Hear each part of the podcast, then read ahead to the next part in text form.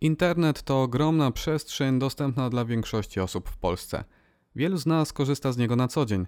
Zapominamy jednak, że tak samo czynią najmłodsi, czyli dzieci. Coraz wcześniej otrzymują one do rąk tablet, telefon czy inne urządzenia elektroniczne. Zazwyczaj po to, aby oglądać bajkę na YouTubie czy też zagrać w grę online. Ale przecież przeglądarka daje praktycznie nieograniczone możliwości. O ile pamiętamy, aby nauczyć dzieci przechodzenia przez jezdnię czy też zasad korzystania z roweru, czy tak samo czynimy z bezpieczeństwem? Parę lat temu magazyn The Guardian zapytał osoby profesjonalnie zajmujące się bezpieczeństwem, jak chronić dzieci korzystające z internetu. W dzisiejszym odcinku podcastu Szurko Gadanie przedstawię te pomysły, a także rozszerzę je o swój komentarz. Jeżeli więc jesteś rodzicem, który dba o dobro dzieci, ten odcinek jest dla Ciebie. Masz pytanie związane z bezpieczeństwem? Dołącz do naszej grupy od zera do Pentestera na Facebooku. Podcast ten można również znaleźć na Spotify oraz Google i Apple Podcast. Zaczynajmy. Dyskusja na temat bezpieczeństwa należy zacząć już od najmłodszych lat. To tak jak z tabliczką mnożenia. Jeżeli nie mamy dobrych podstaw, dalsza droga będzie trudniejsza, a czasami niemożliwa. Na samym początku dziecko nie do końca zdaje sobie sprawę z niektórych rzeczy, które dla nas są oczywiste. Weźmy pod uwagę serwisy z grami online. Często wymagają one stworzenia własnego konta, aby móc śledzić swoje postępy podczas rozgrywki. Ciężko wymagać, aby kilkuletnie dziecko wiedziało, co to jest hasło oraz że musi być ono skomplikowane. Ale już wytłumaczenie, że będzie mogło grać dopiero jak tato otworzy drzwi specjalnym kluczem, może mieć dla niego więcej sensu.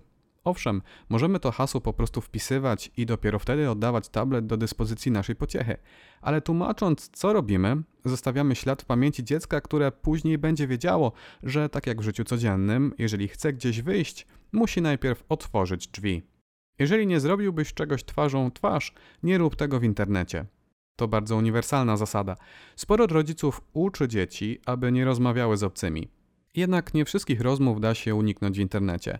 Wszak większość gier posiada czaty, na których można dzielić się bieżącym stanem rozgrywki ze współtowarzyszami. A pod każdym zdjęciem na Instagramie czy filmie na YouTubie można zostawić swój komentarz. Samo komentowanie nie jest złe. Warto jednak zwracać uwagę na to, co dziecko pozostawia po sobie w internecie. Większość z nas posiada przynajmniej kilka zdjęć zrobionych przez rodziców, gdy byliśmy mniejsi. Mamy na nich umazane twarze, bądź znajdujemy się w innych, kłopotliwych sytuacjach. Pokazywanie tych zdjęć innym osobom wzbudza nas różne uczucia. Wykorzystując tą analogię, można przemówić do umysłu dziecka. Czy chciałoby, aby jego koledzy zobaczyli filmik z nim płaczącym lub tarzejącym się po dywanie? Dlaczego więc dziecko samo umieszcza swoje zdjęcia? Przecież nie wie, kto może je potem oglądać. Adres domowy to równie istotna kwestia. Po pierwsze, chodzi tutaj o pedofili, którzy mogą w taki sposób namierzyć kolejną ofiarę. Ale nie tylko. W Stanach znane jest pojęcie swattingu, czyli nasyłania uzbrojonych oddziałów policji pod konkretny adres. A to wszystko w imię dobrej zabawy. Wystarczy bowiem zadzwonić na 997 i poinformować o narkotykach czy bombie znajdującej się pod danym numerem. W sieci popularne są streamy, czyli transmisje online, w których to gracz przesyła obraz ze swojego komputera do innych użytkowników, którzy chcą go w danym momencie oglądać. Obraz ten może również posiadać dźwięk z mikrofonu oraz obraz z kamery. Młodzi widzowie więc w żartach dzwonią na policję, a następnie obserwują, jak ich internetowy przyjaciel jest skuwany w kajdanki. Poprzednia porada naturalnie łączy się z faktem, że z internetu nic nie ginie. To, że coś zostało usunięte z serwisu nie oznacza, że zniknęło na zawsze. To tak samo jak z przeprosinami. Jeżeli zrobiliśmy komuś jakąś krzywdę, a potem za nią przeprosiliśmy, nie oznacza to, że ona zniknęła. Dalej tkwi w głębi naszego serca, tak jak dane w internecie. Ja pokusiłbym się o rozszerzenie tego punktu. Cokolwiek wysyłasz do internetu, traktuj jako dobro publiczne. Ale jak to? Przecież sporo rzeczy umieszczamy w chmurze pod naszym kontem albo też udostępniamy je jedynie wąskiemu gronu odbiorców. Teoretycznie tak, ale nie ma systemów nie do złamania. To pokazują nam różne wycieki danych, które zdarzają się każdemu, tym małym, ale także i dużym podmiotom.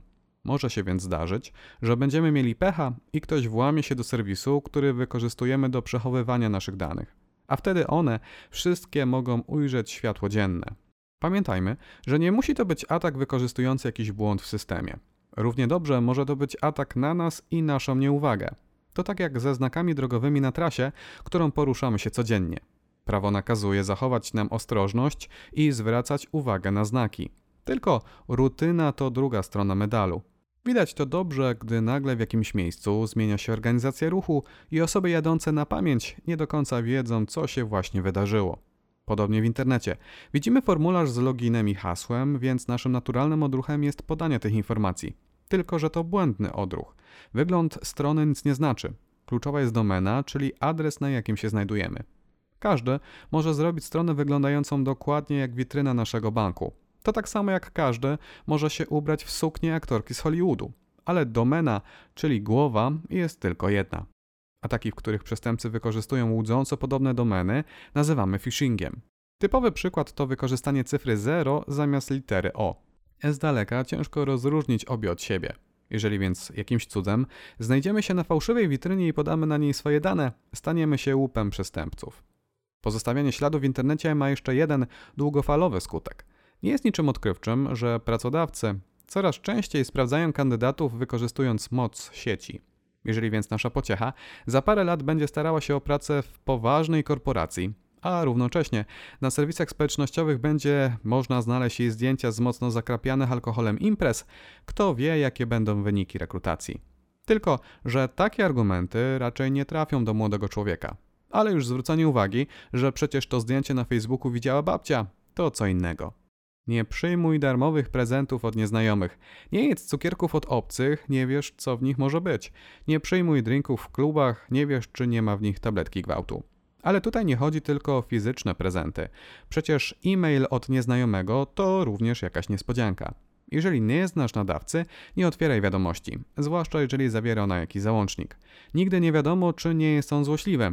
W życiu rzadko kiedy otrzymujemy coś za darmo. Podobnie w internecie. Czasami to my jesteśmy walutą, dlatego często nie dostrzegamy ceny, jaką płacimy za dane dobra.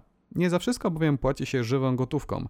Firmy zbierają informacje na temat naszych zachowań, zainteresowań, stanowisk politycznych. Potem grupują te dane i sprzedają dalej podmiotom oferującym najwięcej. Ale jak wytłumaczyć to dziecku? To trochę jak z kupnem zabawki. Dziecko nie zarabia, nie ma więc swoich własnych pieniędzy. Jeżeli chce coś dostać, musi poprosić rodzica. Tylko, że w zamian również może coś zaoferować. Dobre stopnie, brak przeklinania, czy też sprzątanie swojego pokoju. Jeżeli ktoś próbuje ci coś dać za darmo w internecie, to zapewne ma w tym jakiś ukryty cel. Bardzo dobrze widoczne jest to w kontekście gier free to play. Są to gry, które można grać za darmo, ale w zależności od tytułu napotykamy wtedy na wiele mniejszych lub większych utrudnień. Sporo tych gier wykorzystuje czas w kontekście rozgrywki.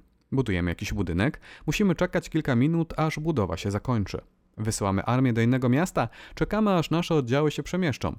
A te kilka minut dla nastolatka to może być cała wieczność. Teoretycznie gra jest za darmo, jeżeli mamy wystarczająco dużo czasu, ale za parę złotych licznik może zniknąć lub też znacząco przyspieszyć. W taki oto sposób darmowa rozgrywka wciąga jak narkotyk, a potem wydajemy kolejne pieniądze, aby być w niej coraz lepszym. Bądź z dzieckiem i monitoruj, co robi. Można zakładać blokady rodzicielskie, blokować strony pornograficzne, pozwalać na dostęp jedynie w określonych ramach czasowych. Ale, jak to w życiu, nie zawsze będziemy przy dziecku. To tak jak z wypadkami, niektórych rzeczy nie da się uniknąć. Możemy chuchać i dmuchać na naszą pociechę, ale gdy uderzy w nas inny samochód, nie mamy żadnej kontroli nad tym, co wydarzy się dalej. Stąd tak ważna jest rozmowa, aby dziecko wiedziało, jak się zachować. Myślę, że interesujący może być tu przykład YouTube'a. Wpisujemy tytuł ulubionej bajki i zostawiamy dziecko sam na sam z ekranem. Jeden film się kończy, drugi zaczyna. Jeżeli nie wybraliśmy playlisty, czyli predefiniowanej wcześniej listy filmów, jakie mają się następnie wyświetlać, nie mamy zbyt wielkiej kontroli nad tym, co pojawi się na ekranie później. YouTube, jak każda inna platforma, ma na siebie zarabiać, a robi to poprzez reklamy wyświetlające się na każdym materiale. Dlatego firmie na rękę jest, aby użytkownik spędzał na stronie jak najwięcej czasu. Można mu wtedy przecież wyświetlić więcej reklam. Dlatego analizuje się trendy użytkowników, podpowiadając im materiały, które mogą ich zainteresować. Każdy z nas to zna. Zainteresowałeś się chemią, nagle widzisz filmy z eksperymentami. Kręcą cię samochody, na stronie głównej masz kanały o motoryzacji. Zasada jest prosta. Jeżeli otrzymujesz treść, która potencjalnie cię zainteresuje, tym większe prawdopodobieństwo, że nie wyłączysz filmu i zostaniesz na dłużej. To samo w przypadku bajek. Tylko, że przecież nikt nie gwarantuje, że każdy kolejny film po bajce to będzie bajka. To tak jak było dawniej w telewizji. Po dobranocce nie było bajek, ale wiadomości z informacjami niekoniecznie dobrymi dla dziecka. Jako rodzic możemy myśleć, że dziecko jest bezpieczne, wszak ogląda treści z bezpiecznej strony, bez złośliwego oprogramowania. Ale czy aby na pewno? Podobnie z blokadami różnych serwisów. Nie chcesz, aby dziecko komunikowało się ze znajomymi, blokujesz więc Facebooka. Myślałeś, że jesteś sprytny? Grubo się mylisz. Zwłaszcza jeżeli dziecko jest nieco starsze. Dostęp do komputera może być potrzebny do rozwiązywania zadań, w tym dostęp do materiału znajdujący się na Google Docs. A potem konsternacja, bo dziecko jednak rozmawia z przyjaciółmi pomimo szlabanu. Jak to? Ano dokumenty Google'a pozwalają przecież na współpracę wielu osób. Można je więc potraktować jako nieco ograniczony czat. Każdy korzysta ze swojego koloru czcionki, aby odróżnić adresatów. Chcesz napisać coś nowego, przesuwasz ekran na sam dół i publikujesz wiadomość. Zostań przyjacielem dziecka na różnych serwisach społecznościowych. Po co? Teoretycznie będziesz wtedy widział jego aktywność. To, co tam wrzuca, czym dzieli się ze znajomymi, o czym myśli. Można by to było potraktować jako dostęp do intymnego pamiętnika z dawnych czasów. Pomysł wydaje się być w porządku, ale samo tylko zostanie przyjaciółmi nie daje nam pełnej kontroli. Dlaczego? Praktycznie każdy serwis pozwala na dzielenie się wiadomościami z wąskim gronem odbiorców. Jeżeli więc nasza pociecha wie, że ma nas w kontaktach, nic nie stoi na przeszkodzie, aby podczas tworzenia materiału nie udostępniła go wszystkim znajomym, a tylko wąskiej grupie. Poza tym serwisy pojawiają się i znikają. Nasza klasa Facebook, Instagram, a teraz TikTok. Starszym ciężko jest zatem nadążyć, zwłaszcza, że sporo osób nie rozumie fenomenu tych witryn. Ale to nic nowego, każde pokolenie posługuje się swoim językiem. Poza tym postawmy się po tej drugiej stronie. Może się nam wydawać, że publikowanie uśmieszków na profilu dziecka to słodki przejaw miłości. Ale jak my zareagowalibyśmy, gdyby nasze dziecko zaczęło publikować podobne treści obok naszego profilu na LinkedInie? A więc bycie znajomym to nie wszystko. Świat się zmienia, a z nim zagrożenia. Jeszcze parę lat temu kluczowym było nie wkładanie cudzych pendrive'ów do naszych komputerów. Dzisiaj zagrożenia tego rodzaju są już przeszłością. Coraz częściej natomiast słyszymy o wirtualnym znęcaniu się nad współrówieśnikami. Dzieci zakładają prywatne grupy na Facebooku czy WhatsAppie i dyskutują tam o swoich znajomych. Obrażanie, wyśmiewanie, grożenie czy też publikacja wstydliwych zdjęć. Dla nas wytykanie palcami zapiegi na nosie może brzmieć jak absurd, ale dla dziecka może stanowić sporą traumę. Niestety, statystyki samobójstw w Polsce pokazują, jak wielki jest to problem. Młodzież myśli bowiem, że są w internecie anonimowi. Tryb prywatny w przeglądarce sprawia, że mogą obrażać kogo tylko chcą.